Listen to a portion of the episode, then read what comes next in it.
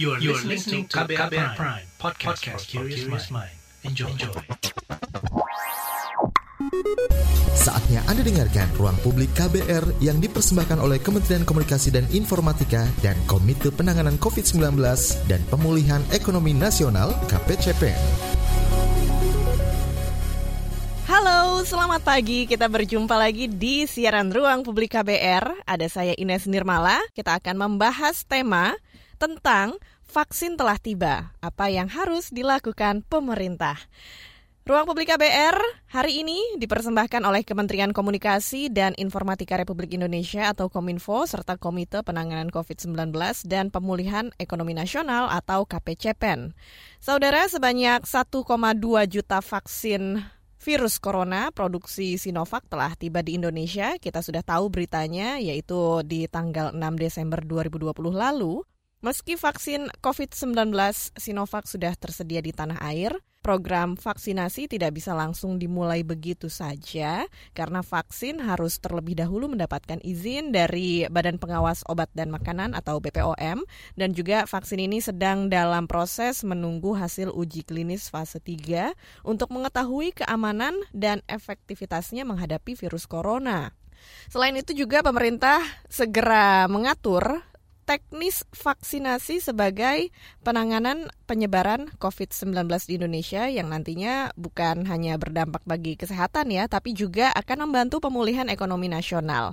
Lalu bagaimana persiapan pemerintah dalam vaksinasi nasional dan seperti apa langkah yang ditempuh untuk memenuhi kebutuhan vaksin COVID-19? Kita akan berbincang-bincang dengan Dr. I. Nyoman Kandun, yaitu seorang penasehat pembina Field Epidemiologi Training Program. Langsung saja kita sapa Dr. Nyoman yang tergabung lewat Zoom pagi hari ini. Selamat pagi, Dr. Nyoman. Selamat pagi. Iya, bagaimana kabarnya dok hari ini?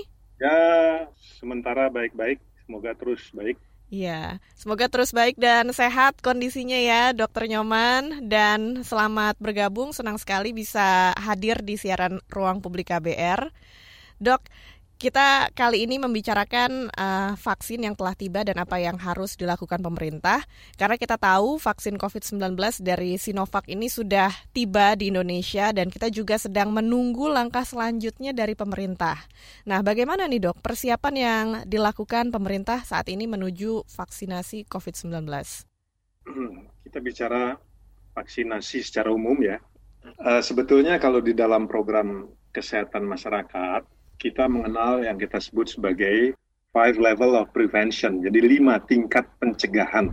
Ini dalam filosofi kita mencegah lebih baik daripada mengobati gitu ya. Iya, Tapi betul. kalau kita bicara five level of prevention ini, itu adalah pencegahan untuk tidak berlanjut ke berikutnya. Jadi yang pertama paling bagus itu adalah kita sebut sebagai promotion of health. Jadi gerakan hidup sehat dan perilaku hidup bersih dan sehat.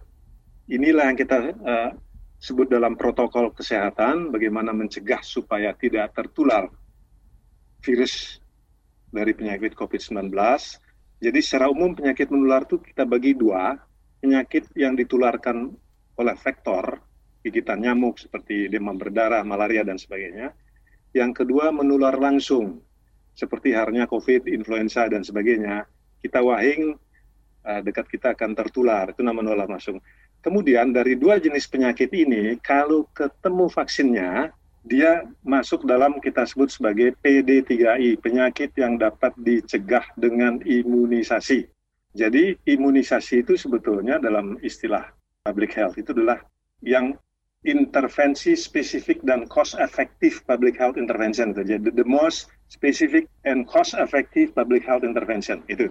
Jadi yang kedua itu adalah specific protection. Jadi spesifik itu artinya kalau kita memberikan vaksinasi cacar, maka yang dicegah adalah penyakit cacar. Mm-hmm. Kalau kita memberikan vaksinasi DPT, difteri, pertussis, tetanus, maka tiga penyakit ini yang dicegah. Nah, bicara soal COVID-19, vaksin apa namanya, virusnya kan namanya SARS-CoV-2. Jadi pemberian vaksinasi untuk COVID-19 tentu yang dicegah adalah COVID-19.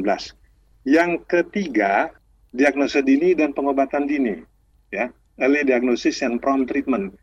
Jadi kalau dalam screening ditemukan yang positif COVID, Ya. Kan ada yang tidak pakai gejala, Iya. ada yang bergejala. Yang bergejala itu tentu dirujuk, dirawat di rumah sakit yang khusus menangani COVID gitu kan. Mhm. Case manajemennya, manajemen mereka yang sakit itu sedemikian rupa di samping tujuannya untuk menyembuhkan penderita dan mencegah jangan sampai terjadi kecacatan. Sebetulnya yang penting lagi tidak menularkan kepada petugas kesehatan, kepada keluarga dan kepada masyarakat. Nah di Iya. situ jadi case manajemennya itu. Sehingga kalau dia nanti kemudian di masyarakat di lingkungannya kontaknya yang namanya kontak person dan sebagainya juga dilakukan tracing kan gitu. Ketemu kasus baru dirujuk dan ketemu yang OTB eh, yang orang tanpa gejala dan sebagainya dilakukanlah public health intervention itu. Apa yang harus dilakukan? Nah, imunisasi atau vaksinasi itu adalah salah satu uh, public health intervention. Jadi uh, kedua ini harus diaudit sudah benar apakah tidak. Jadi pemerintah kita sarankan untuk melakukan monitoring dan evaluasi apa yang menjadi kebijakannya yang dilaksanakan di masyarakat itu harus dimonitoring dan evalu- dievaluasi. Monitoring artinya kalau terjadi penyimpangan dari standar, lakukan koreksi segera. Evaluasi itu jangka panjang. Nah kemudian itu kan namanya disability limitation yang berikutnya. Ya. Jadi jangan sampai cacat, paru-parunya rusak, ginjalnya rusak dan sebagainya ya Mhm. dalam perawatan. Kemudian yang terakhir itu adalah rehabilitasi. Kalau mereka karena kena COVID, cacat, fisik atau mental, dilakukan rehabilitasi itu secara umum. Baiklah, saya akan kembali pada uh, istilah vaksinasi. Yang paling penting di sini dengan masyarakat mengharapkan kapan sih vaksinnya datang, kapan vaksinnya datang, Iya. ya. Iya. Kemudian setelah datang di media sosial juga penuh dengan apa namanya diskusi saling bertentangan dan sebagainya. Benar. Tentu ini harus kita arahkan sedemikian rupa karena keberhasilan kita memerangi COVID supaya tidak menular ya. Nah kita lihat di Kompas halaman pertama bagaimana masyarakat di Bogor disebutkan Ya. di depan baliho yang mengatakan protokol kesehatan mereka tidak menggunakan masker dan sebagainya dan sebagainya. Jadi pelanggaran-pelanggaran terhadap PSBB, apa namanya istilah lockdown dan sebagainya, bukan hanya di Indonesia, di negara lain pun sama. Ya. Sehingga harapan masyarakat itu vaksinasi ini yang kita sebut sebagai uh, specific protection, ya, specific protection itu kita harapkan. Nah tentu keberhasilan pelaksanaan vaksinasi COVID dengan datangnya vaksin entah dari mana begitu ya, Mhm. tentu yang memenuhi syarat yang sudah dievaluasi oleh Badan POM kita, ya. Ya. Nanti dikasih izin untuk beredar, untuk dipakai pada waktu itulah saatnya masyarakat berbondong-bondong diberikan vaksinasi dengan skemanya kalau dibaca di koran ada ada skema skema gratis, ada Iya. skema bayar Iya. itu di luar di luar kapasitas saya. Iya. Bebas. Ya memang Pak, Eh, masyarakat juga sudah sangat menanti-nantikan bagaimana nanti akan divaksinasi seperti apa. Ini kita masih akan menunggu dari pemerintah seputar skemanya seperti apa ya Pak ya. Tapi kalau misalnya kita lihat nih Pak, untuk pemberian vaksinasi itu juga butuh sarana dan prasarana yang memadai. Kalau dilihat ini bagaimana kondisinya di seluruh daerah di Indonesia seputar sarana dan prasarananya, apakah sekarang juga sedang dipersiapkan oleh pemerintah eh, selain sarana prasarana juga tenaga kesehatan untuk vaksinasi COVID-19 itu seperti apa? Jadi perlu saya jelaskan, Mhm. jelek-jelek saya pernah jadi kasubdit imunisasi selama 8 tahun. Iya. Dari tahun 88 sampai tahun 96. Iya. Jadi kalau bicara infrastruktur Ya, ya untuk memberikan pelayanan imunisasi sejak tahun 90-an sudah kita bangun ya sampai ke ujung-ujung tombak di mana di situ kita sudah baca mana yang ada listrik, mana yang tidak ada listrik untuk cold chain-nya penyimpanan vaksin. Mhm. Karena kualitas vaksin itu bisa terjamin kalau dia penyimpanannya sesuai dengan suhu yang dibutuhkan. Jadi secara umum sebetulnya 2 sampai 8 derajat Celcius ya.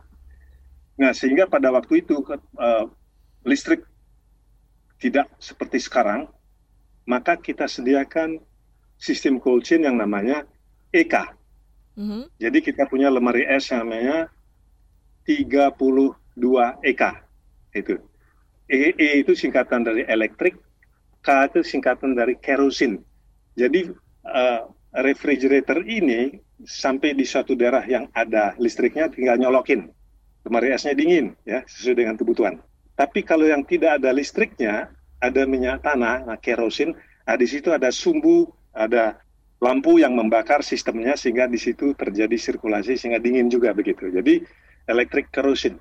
Nah, pada waktu itu tidak ada es batu untuk membawa vaksin di daerah-daerah kita sediakan freezer 22 EK, jadi bisa bu bu buat es batu.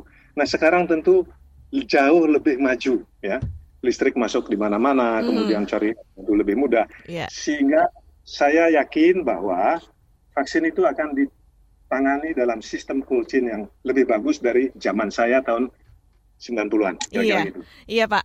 Nah, sementara menuju vaksinasi COVID-19, kalau untuk sarana dan prasarana kita dapatkan informasi itu sudah tidak ada masalah.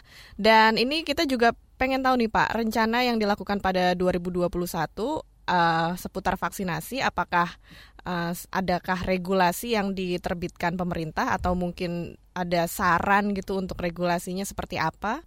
kalau kita merujuk namanya good governance, yang mm -hmm. pertama adalah payung hukum ya. Tidak bisa melaksanakan sesuatu tanpa ada payung aturannya. Ya. Nah, yang kedua, transparansi ya. Yang ketiga, akuntabilitas. Nanti kalau ada lintas program, lintas sektor, pertanyaannya who is doing what, when, where, how-nya dijelas. Sebab hmm. namanya pelaksanaan vaksinasi nanti, bagaimana organize government response, ya, bagaimana masyarakat apa pemerintah itu terorganisir lintas sektor, lintas programnya. Jangan satu ke timur, satu ke barat, satu ke utara, satu ke selatan. Kemudian organize community response. Masyarakat juga harus mengorganisir dirinya ya, sebab dia bagian daripada sistem pelayanan uh, imunisasi yang kita akan rencanakan di mana vaksinnya sudah tiba. Nah, tentu di seluruh dunia juga akan rebutan untuk membeli lebih dulu yeah. kira-kira karena terbatasan supply dan sebagainya. Nah tentu payungnya saya baca di media yang pertama untuk tim pelaksanaan vaksinasi COVID sudah keluar Kepmenkes 6573 mm -hmm. tahun 2000, 2020 mengatur bagaimana tata laksana vaksinasi. Nah kemudian ada yang keluar Kepmenkes KMK nomor 9860 tentang jenis vaksin ya. Jadi bukan satu jenis satu jenis yeah. vaksin, ada iya. beberapa yeah. yang sebutnya yang tentunya memenuhi syarat sudah lulus clinical trial fase 3 di mana efektivitasnya, vaksin efikasi, keamanannya semua sudah sudah rapi mendapat izin edar oleh Badan POM iya. negara lain. Iya, Pak. Ya. Oke, Dokter Nyoman kita akan lanjutkan lagi perbincangan kita di ruang publik. Kita akan kembali lagi setelah yang berikut ini. Masih Anda dengarkan Ruang Publik KBR yang dipersembahkan oleh Kementerian Komunikasi dan Informatika dan Komite Penanganan COVID-19 dan Pemulihan Ekonomi Nasional KPCPN. Masih Anda mendengarkan siaran Ruang Publik KBR bersama saya Ines Nirmala dan tema yang kita bahas pagi hari ini adalah vaksin telah tiba, apa yang harus dilakukan pemerintah. Kita masih bersama dengan Dr. Nyoman Kandun, penasehat pembina Field Epidemiologi Training Program. Ya, Dr. Nyoman, sekarang kita mau membicarakan lagi persiapan terkait masyarakat karena sayangnya sekarang masyarakat juga masih ada sebagian yang uh, menolak vaksin gitu, uh, tidak mau divaksinasi atau mereka ada kekhawatiran tersendiri.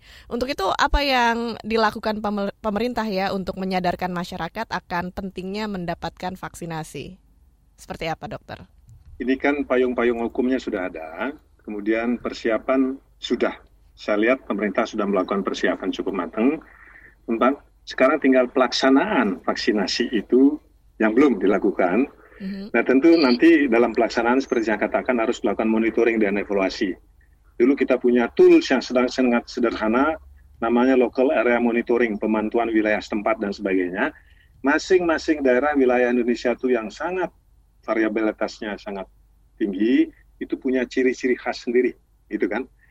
Jadi apa yang harus dilakukan? Ya tentu komunikasi risiko sangat penting dengan bahasa yang dipahami oleh masyarakat ya masyarakat awam masyarakat yang berpendidikan menengah berpendidikan tinggi dan sebagainya itu stratanya macam-macam. Siapkanlah uh, bahan-bahan untuk komunikasi risiko. Apa risikonya kalau tidak diimunisasi? Apa risikonya kalau mendapatkan imunisasi gitu kan? Tentu ada perbandingan perbandingan sehingga masyarakat dengan penuh kesadaran akan memilih bahwa dia siap untuk divaksinasi karena usia vaksinasi sudah ratusan tahun. Sebagai contoh misalnya kita berhasil membasmi cacar ya. Sebentar ya. lagi bahkan polio sudah berhasil kita setengahnya kita eradikasi bahkan kita sudah dideklar Indonesia yang sudah bebas dari polio ya. Mm. Kenapa? Karena vaksinasi. Karena spesifik yang dilindungi adalah mereka yang mendapatkan vaksin secara spesifik. Nah, tentu yang 3M itu adalah perlindungan secara umum ya. Bukan hanya COVID saja terlindungi, semua penyakit menular kalau dicegah dengan 3M itu dia mencegah secara umum. Nah, kalau plus dengan vaksinasi, pencegahan secara spesifik, maka kombinasi keduanya itu sangat bagus sekali. Hasilnya, resultantenya akan besar sekali, masyarakat itu akan sehat, ekonomi pulih karena tenaga kerjanya bisa bekerja penuh tanpa rasa takut, anak-anak sekolah kembali dan sebagainya. Kira-kira iya. demikian. Ya. Iya harus bagaimana terorganisir secara lintas sektor, lintas program, masyarakat juga terorganisir. Nah, tempo hari sebelum ada uh, uh, medsos medsos seperti dulu pada zaman saya, mm -hmm. itu masyarakat 90 sekian persen hampir ya siap untuk diimunisasi, apalagi namanya vaksinasi polio dengan hanya ditetesi di mulut ya. Yeah. Nah, mungkin kalau untuk suntikan anak-anak agak takut ya, nah, dan sebagainya. Pada zaman saya itu masih dipakai reusable syringe, harus disterilkan lagi dan sebagainya. Mm -hmm. Kemudian ditemukan apa alat suntik yang namanya disposable. Sekali suntik jarumnya sangat-sangat tajam sehingga sangat tidak terasa. Mhm. Kadang-kadang mm. kalau kita kalau anak-anak tidak tidak menengok, ketakutan lihat jarum.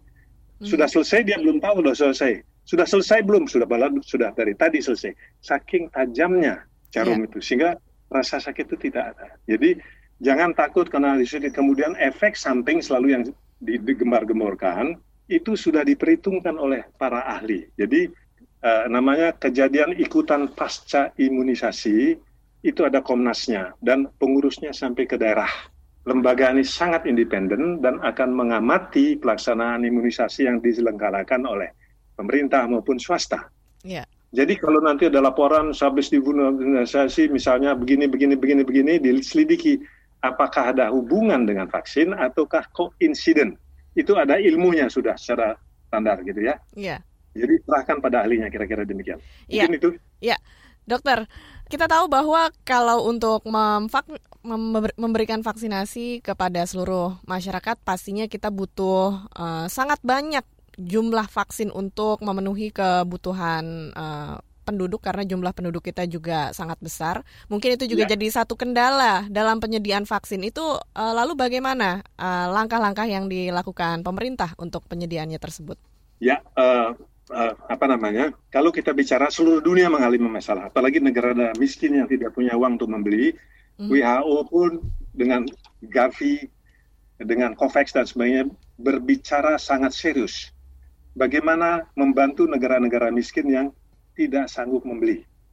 Karena namanya epidemi pandemi tidak mengenal suku, jadi suku bangsa, batas administratif negara tidak mengenal. Jadi kalau kita ada satu negara saja, seperti sekarang polio, ada Pakistan, Afghanistan masih belum bebas polio. Mm. Kita ngeri walaupun kita sudah bebas, sudah tereradikasi, hampir seluruh dunia sudah tereradikasi polio, tidak ada lagi kasus polio disebabkan oleh virus polio liar karena keberhasilan melakukan vaksinasi polio, ya. Tapi karena ada di daerah-daerah pertempuran kayak di Afghanistan, di perbatasan Pakistan, masih ada kasus polio liar yeah. karena vaksinasi di daerah itu sangat rendah. Jadi kita mengenal dengan istilah herd immunity, kekebalan masyarakat hmm. adalah kombinasi dari kekebalan yang didapat, didapatkan dari infeksi alamiah. Saya terinfeksi, yeah. ya, kemudian saya membuat antibodi, saya kebal. Jadi kalau ada infeksi berikutnya tentu dia tidak apa, kecuali kalau yeah. terjadi mutasi daripada virus-virus tersebut. Kemudian kekebalan herd immunity didapatkan dari vaksinasi. kombinasi keduanya akan menyebabkan kekebalan masyarakat yang tinggi. Ya, jadi sehingga vaksinasi itu harus cakupannya tinggi dan merata. Betul. Nah, kalau tinggi misalnya di sana 100% di tapi di tempat lain ada yang bolong, mm-hmm. itu juga percuma. Jadi harus merata, harus merata. Ya. Iya. Iya. Oke. Okay. Nah, um, berikutnya dokter kita uh, jawab pertanyaan dari live chat di YouTube. Ada Bimo yang bertanya, bagaimana untuk urutan atau prioritas yang paling baik terkait pemberian vaksin ke masyarakat? Benarkah yang diprioritaskan adalah masyarakat yang berusia produktif dan bukan lansia yang justru mempunyai resiko tinggi ini terkait vaksinasi? Bagaimana, dokter? Uh, mengenai prioritas sekarang kan di kita baca di media itu 15 sampai eh, 18 sampai 59 tahun gitu kan. Iya. Nah, ya semuanya ada priority setting itu tentu oleh karena limited resources gitu kan. Mm. Resources termasuk ketersediaan vaksin. Nah, tentu kebijakan kebijaksanaan pemerintah ini, kebijakan pemerintah ini ada pertimbangannya, masukan daripada para ahli dan sebagainya segala macam ahli sehingga menjadi keputusan daripada pemerintah. Nah tentu saya sebagai lansia ya tentu saya minta wah saya dulu dong ya gitu ya. Jadi hmm. nah kemudian tentu ada skema yang gratis dengan ditetapkannya secara global sebagai pandemi, kemudian secara nasional bencana non alam secara nasional presiden sudah mendeklar ya hmm. sesuai dengan Undang-Undang Nomor 24 2007 tentang bencana itu ada bencana alam dan bencana non alam. Wabah itu termasuk bencana non alam tentunya kalau pemerintah sudah mendeklar dia sebagai bencana alam, seyogianya itu sebagian besar atau keseluruhan harus dipikul gitu oleh oleh pemerintah begitu ya. Tentu uh, sesuai dengan undang-undang dasar dan sebagainya itu di media sosial sudah terjadi diskusi yang nah kembali nah tentu di masyarakat sendiri juga banyak orang punya duit gitu ya. Kemudian ada uh, dulu waktu saya masih aktif di program imunisasi, kita bisa menggerakkan corporate social responsibility. Ya. Jadi para pengusaha, para bisnis dan sebagainya uh, ikut kontribusi. Karena kalau masyarakat Indonesia sumber tenaga kerja, sumber dan sebagainya, para profesional di situ sehat, maka dia apa namanya akan mendapat return. Jadi kalau dia menyumbang serupiah, itu kembalinya 5 sampai 10 rupiah. Kalau ada ahli health economic bisa meyakinkan mereka yang punya kelebihan uang untuk menutupi mereka yang tidak tercover oleh apa namanya dana dari uh, pemerintah dan sebagainya mungkin bagaimana mengorganisir hal ini mungkin itu saran saya. Iya.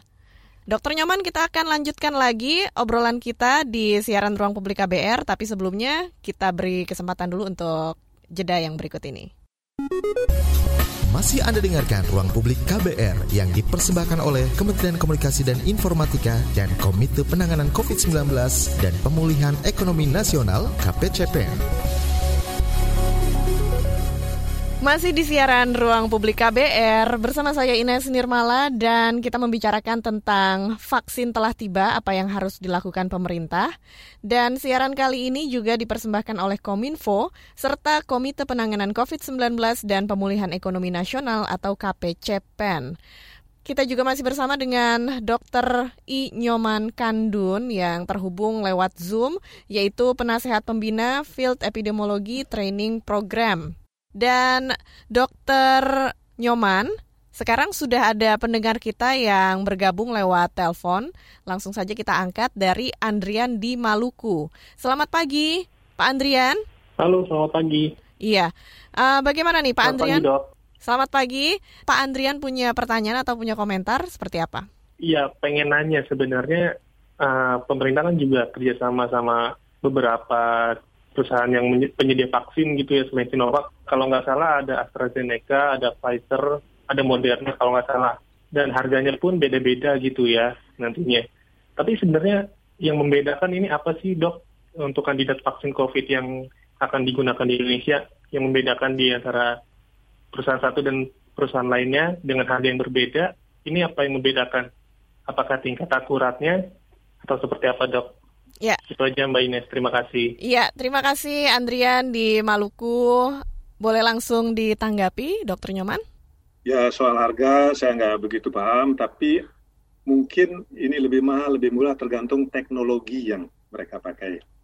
Ya. Ya, ada yang virus yang dimatikan, ya, ada yang virus yang setengah hidup, ada yang menggunakan komponen lain, ada kalau di dalam vaksin itu ada pengembangan vaksin dengan rekombinant dan sebagainya. Tentu teknologi itu memerlukan riset, pembiayaan dan sebagainya, sehingga harganya pun akan dihitung dari situ. Karena itu yang paling tahu adalah produsen.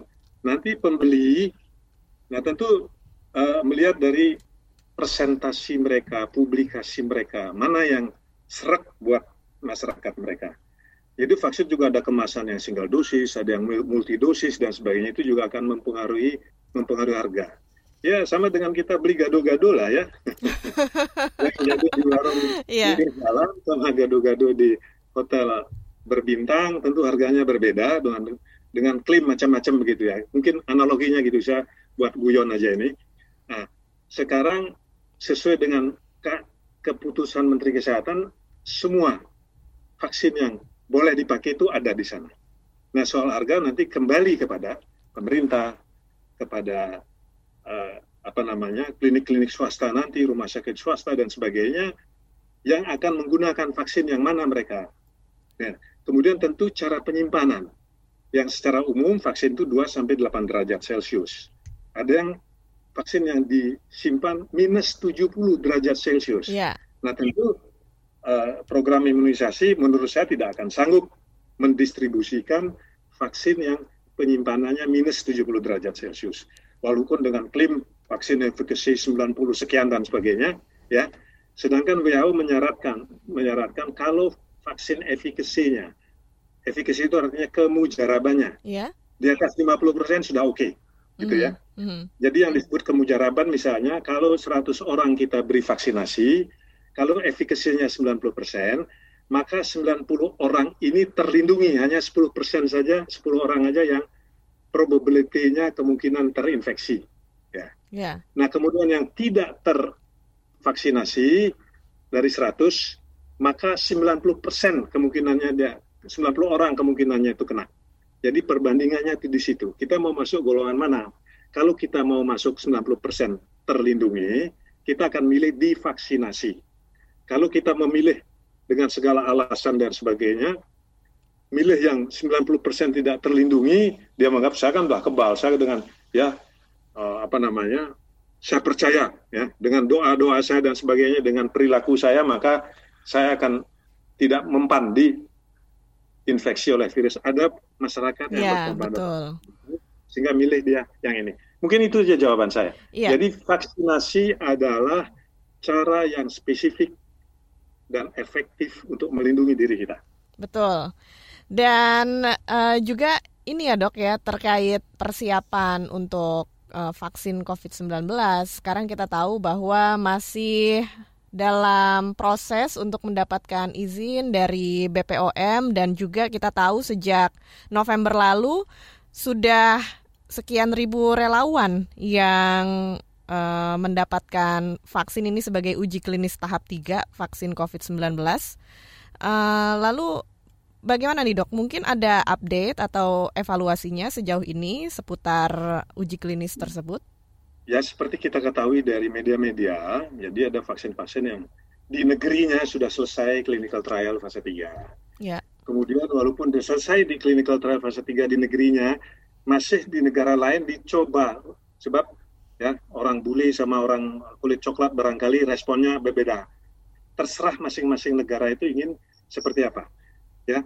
Artinya clinical trial fase 3 itu sebelumnya sudah lolos. Nah namanya ada uh, clinical trial fase 1 fase 2 dan sebelum itu juga ada uji coba pada binatang laboratorium hmm. dan sebagainya.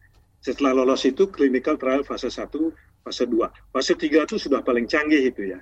Kemudian uh, fase 1, fase 2 itu sebetulnya kayak fase 3, cuman sampel size-nya tidak sebesar clinical trial fase 3. Fase 3 itu sampel size-nya semakin besar makin bagus. Nah, kalau sudah diizinkan edar eh, oleh Badan POM, mungkin karena pandemi ada namanya emergency use authorization. Jadi sesuatu yang uh, itu dilaksanakan secara paralel sehingga kayak kita bikin sambal. Kalau normal kan mm-hmm. bawangnya diiris dulu, cabenya diiris ini digoreng dulu belakang. Yeah. Tetapi dalam keadaan uh, situasi emergency antara motong brambang, yeah. motong apa namanya motong cabenya, cabai dan sebagainya bareng-bareng kemudian sehingga masuk di dalam uh, kuali itu bareng-bareng sehingga waktunya uh, lebih pendek tanpa okay. melanggar protokol SOP sebuah clinical trial fase 3. Jadi pertanggungjawaban para peneliti itu kita jamin ya. Kemudian kalau sudah diizinkan beredar boleh dipakai ada namanya fase 4. Fase 4 itu namanya post marketing surveillance. Yeah. Dari tadinya misalnya 1620 di Brasil 9000 ada mungkin ada 90.000 sampel size-nya. Tapi begitu diizinkan beredar, nah namanya sampel size itu kan secara random karena randomisasi sedemikian rupa bagusnya sehingga seolah-olah mewakili seluruh masyarakat yang ada uh, di dunia begitu kan? Yeah. Nah tapi dalam pelaksanaan akan muncul sesuatu yang kita tidak bisa pantau pada waktu clinical trial fase 3. Di fase 4 itu namanya post marketing surveillance. Kalau ada makanya ada KIPI yeah. ya komite uh, apa namanya ikutan pasca imunisasi Ya, apakah itu konsiden? Apakah itu betul-betul ada kaitannya dengan vaksin? Begitu ada kaitan dengan vaksin, apakah remedium kardinal, jadi vaksinnya itu sendiri, atau remedium adjuvan, yaitu bahan-bahan pengawet supaya vaksin itu stabil dan sebagainya. Orang itu bisa uh, sensitif terhadap intinya atau terhadap adjuvan, gitu ya jangan kita banyak cerita. Kita, orang makan udang pun ada yang gatel mulutnya sampai tebel. Yeah. Tapi secara umum itu udang itu sangat bermanfaat kalau dimakan proteinnya, ya, gizinya dan sebagainya. Ya, kira-kira begitu. Yeah. Tapi ada yang sensitif terhadap udang itu. Vaksin pun demikian. Oleh karena menyadari hal seperti itu, maka kita membentuk namanya Komnas KIPI. Yeah. Ya. Nanti apakah vaksin itu perlu diperbaiki atau ditarik dan sebagainya itu nanti akan uh, berdasarkan evaluasi pada fase 4 post marketing surveillance. Begitu. Iya. Jadi uh, ada kejadian ikutan pasca imunisasi dan masyarakat juga bisa melaporkan apa gejala-gejala ya. yang terjadi ya, dokter ya. Iya. Iya. Hmm. Berikutnya ada pertanyaan dari pendengar kita lewat live chat YouTube dari Wikan. Ini uh, di Bekasi, Wikan di Bekasi bertanya uh, tentang produsen vaksin. Banyak dari berbagai negara produsen vaksin ini dan pertimbangan apa yang dipakai oleh pemerintah atau Satgas Covid dalam memutuskan vaksin mana yang dipilih. Apakah semuanya akan diimpor? Bagaimana itu Pak pertimbangannya?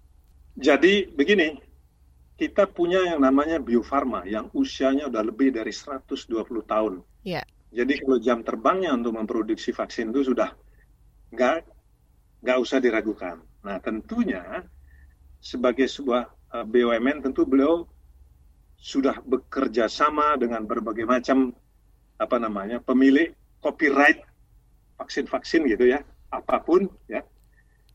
Nah Bio Farma itu sudah mengekspor ke 125 negara vaksin-vaksin untuk imunisasi rutin mm-hmm. kayak caca, campak, DPT, polio dan sebagainya. Jadi negara-negara Afrika dan sebagainya, uh, Timur Tengah dan sebagainya itu mengimpor vaksin dari uh, Bio Farma. Nah, mengenai vaksin COVID ini, saya belum tahu apa sih kebijakannya. Ya, kebijakannya itu nanti kerjasama dengan siapa. Tentu dia mereka punya sejarah perjalanannya sesuai dengan teknologi yang uh, dikuasai, sesuai dengan fasilitas yang ada, begitu ya, di uh, Bio Farmanya, di mana merupakan produsen vaksin yang kita banggakan, bahkan dunia pun membanggakan. Nah tentu di Brasil ada yang namanya Butantan yang usianya lebih kurang dengan Bio Farma. Nah sekarang ini Butantan dengan Bio Farma itu dalam clinical trial fase 3 untuk COVID COVID-19 ini bareng itu, paralel mereka. Nanti hmm. tentu mereka saling share informasi. Jadi intinya pemerintah negara di mana pun di dunia itu pasti kebijakannya adalah bagaimana melindungi rakyat masyarakatnya. Jadi tidak adalah suatu pemerintah yang ingin mencelakakan masyarakatnya. Salah satunya adalah vaksinasi yang kita sebut the most specific and cost effective public health intervention gitu. Iya. Oke, Dokter Nyoman, kita akan lanjutkan lagi perbincangan kita di siaran ruang publik KBR dan sekarang kita jeda dulu untuk sejenak. Kita akan kembali setelah yang berikut ini. Commercial break. Commercial break. Vina, seorang volunteer dari komunitas Biho memberi pesan kepada teman-teman Broken Home untuk dapat bangkit dari keterpurukan dan mampu berdikari jangan sampai kalian menikah saat kalian belum siap. Itu penting banget. Jadi selama masih muda nikmati aja masa mudanya. Carilah hal-hal positif yang bermanfaat buat masa muda kalian. Sehingga nanti kalian ketika pun sudah memiliki pasangan, mau mencari pacar misalkan atau sudah ingin menikah, kalian sudah benar-benar matang agar apa yang kalian alami tidak terjadi kembali kemudian hari. Simak obrolan selengkapnya dalam podcast Disco Diskusi Psikologi dalam episode Bangkit dari Keterpurukan dan Berdikari di kbrprime.id dan platform mendengar podcast lainnya. Masih Anda dengarkan Ruang Publik KBR yang dipersembahkan oleh Kementerian Komunikasi dan Informatika dan Komite Penanganan COVID-19 dan Pemulihan Ekonomi Nasional KPCPN. Kita masuk ke bagian akhir ruang publik KBR yang dipersembahkan oleh Kominfo dan Komite Penanganan COVID-19 dan Pemulihan Ekonomi Nasional atau KPCPEN. Pagi hari ini kita membahas tema vaksin telah tiba, apa yang harus dilakukan pemerintah. Masih bersama saya Ines Nirmala dan juga bersama dengan Dr. Inyoman Kandun, penasehat pembina Field Epidemiologi Training Program. Dr. Nyoman, seperti yang tadi sudah sempat kita uh, bahas, dokter juga uh, mencontohkan di sekitar kita banyak baliho ataupun spanduk yang mengajak untuk menerapkan 3M. Tetapi masyarakat masih saja banyak yang melanggar aturan gitu ya, Dok ya. Nah, Uh, ini ada yang muncul nih, dokter, di pendapat di tengah masyarakat dengan adanya vaksin COVID-19 bahwa kita tidak perlu lagi untuk melakukan protokol kesehatan. Ini bagaimana nih pendapat dari dokter Nyoman, uh, himbauan kepada masyarakat kita? Tetap protokol kesehatan harus dilakukan. Nah, plus vaksinasi. Itu. Jadi jangan terlalu percaya 100% bahwa kita dengan divaksinasi terlindungi kan. Saya katakan vaksin efikasi itu katakanlah 80 persen atau 90 persen, berarti tidak 100 persen kita terlindungi. Dan dengan melakukan protokol kesehatan bukan COVID saja yang kita hindari, tapi penyakit-penyakit infeksi yang karena bersin, jarak dekat satu meter dan sebagainya dan sebagainya itu juga tercegah. Jadi sekali merengkuh dayung dua tiga puluh terlampaui. Lakukanlah itu bersama-sama protokol kesehatan dan vaksinasi. Nah, karena vaksinasi ini, vaksin itu merupakan public good, seoganya ya, pemerintah sepenuhnya memikul, karena ini sudah dideklar sebagai pandemi, kemudian secara nasional sebagai uh, apa namanya itu bencana non alam nasional. Jadi seyogianya biaya vaksinasi itu kalau bisa digratiskan begitu. Iya. Oke, okay. dokter, uh, ada juga pertanyaan berikutnya dari Dani Setiawan. Uh, di tengah keraguan soal vaksinasi COVID-19, uji klinis, izin penggunaan darurat dan lain-lain, sebenarnya berapa orang target pemerintah yang harus divaksinasi dalam waktu dekat atau boleh nunggu vaksin merah putih saja? Nah, tentu karena keterbatasan supply ya.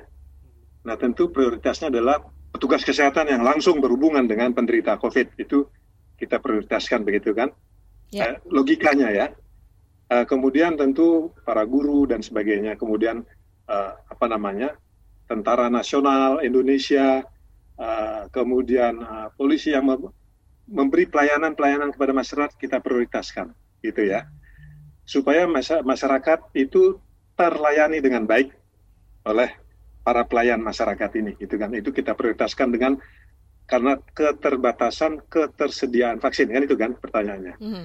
Nah tentu mereka yang risiko tinggi ya risiko tinggi itu ada definisinya termasuk lansia-lansia seperti saya barangkali gitu ya.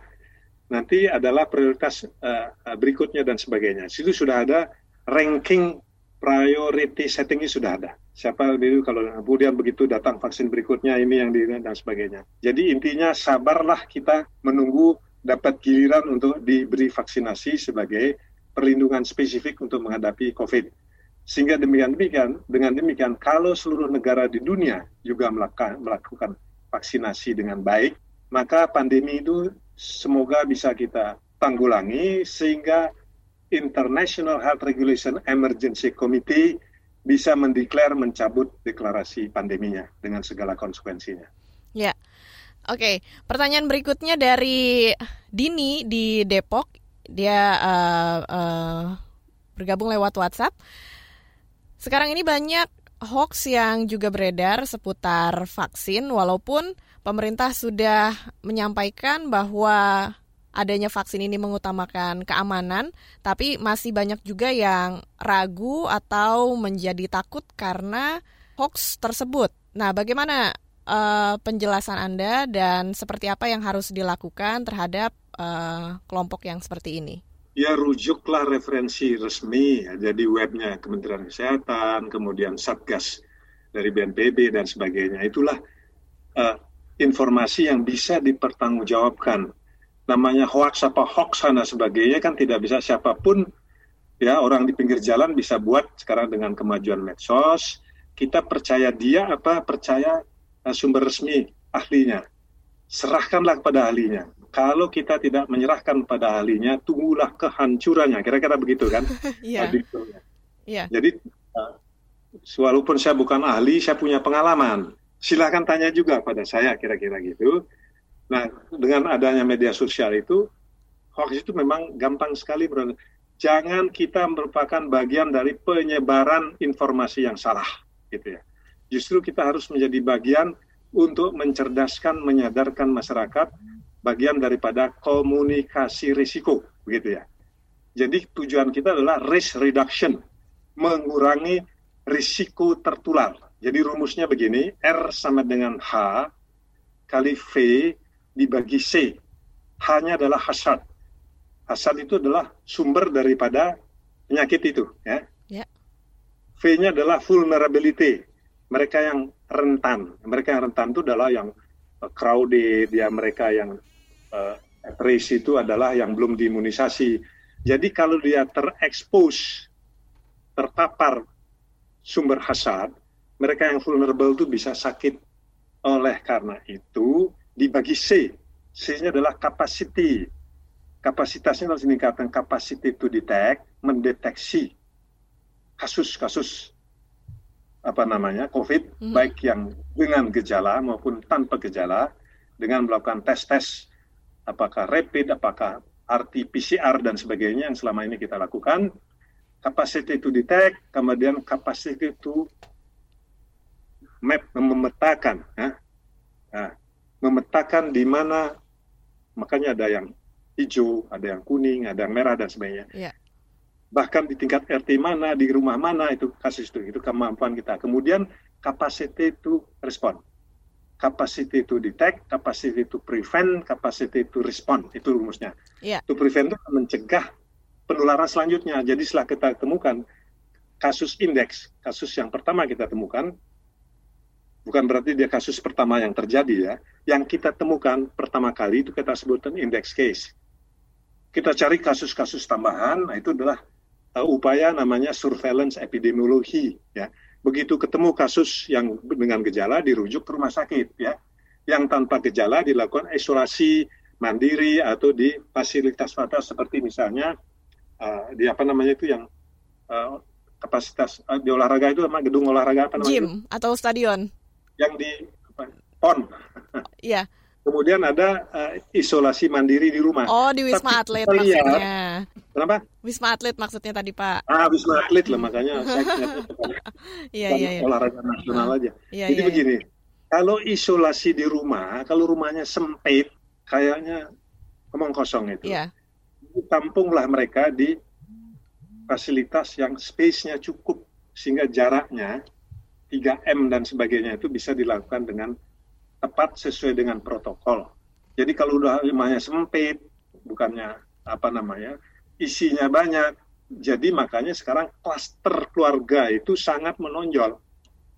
Karena secara umum kita boleh isolasi di wisma atlet, bisa di rumah sakit, bisa di uh, rumah sendiri. Nah, Iya. begitu ada boleh isolasi di rumah sendiri, ya siapa sih yang nggak senang Iya. kumpul sama cucu, sama anak, Iya. sama adik, dan sebagainya. Mhm. Tapi potensi penularannya sangat-sangat tinggi. Oke, dokter, baik. Terima kasih banyak atas semua penjelasan yang diberikan di siaran Ruang Publik KBR. Sayangnya karena waktu yang terbatas, kita harus akhiri perbincangan kita sampai di sini, dokter. Ya, dokter Nyoman, eh, terima kasih atas waktunya dan selamat melanjutkan aktivitasnya hari ini. Serta untuk pendengar, kami juga ucapkan terima kasih atas kebersamaan Anda dan saya Ines Nirmala undur diri dari siaran Ruang Publik KBR. Salam. Baru saja Anda dengarkan Ruang Publik KBR yang dipersembahkan oleh Kementerian Komunikasi dan Informatika dan Komite Penanganan COVID-19 dan Pemulihan Ekonomi Nasional KPCPN.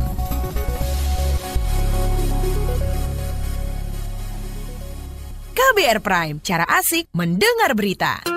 KBR Prime, podcast for curious mind.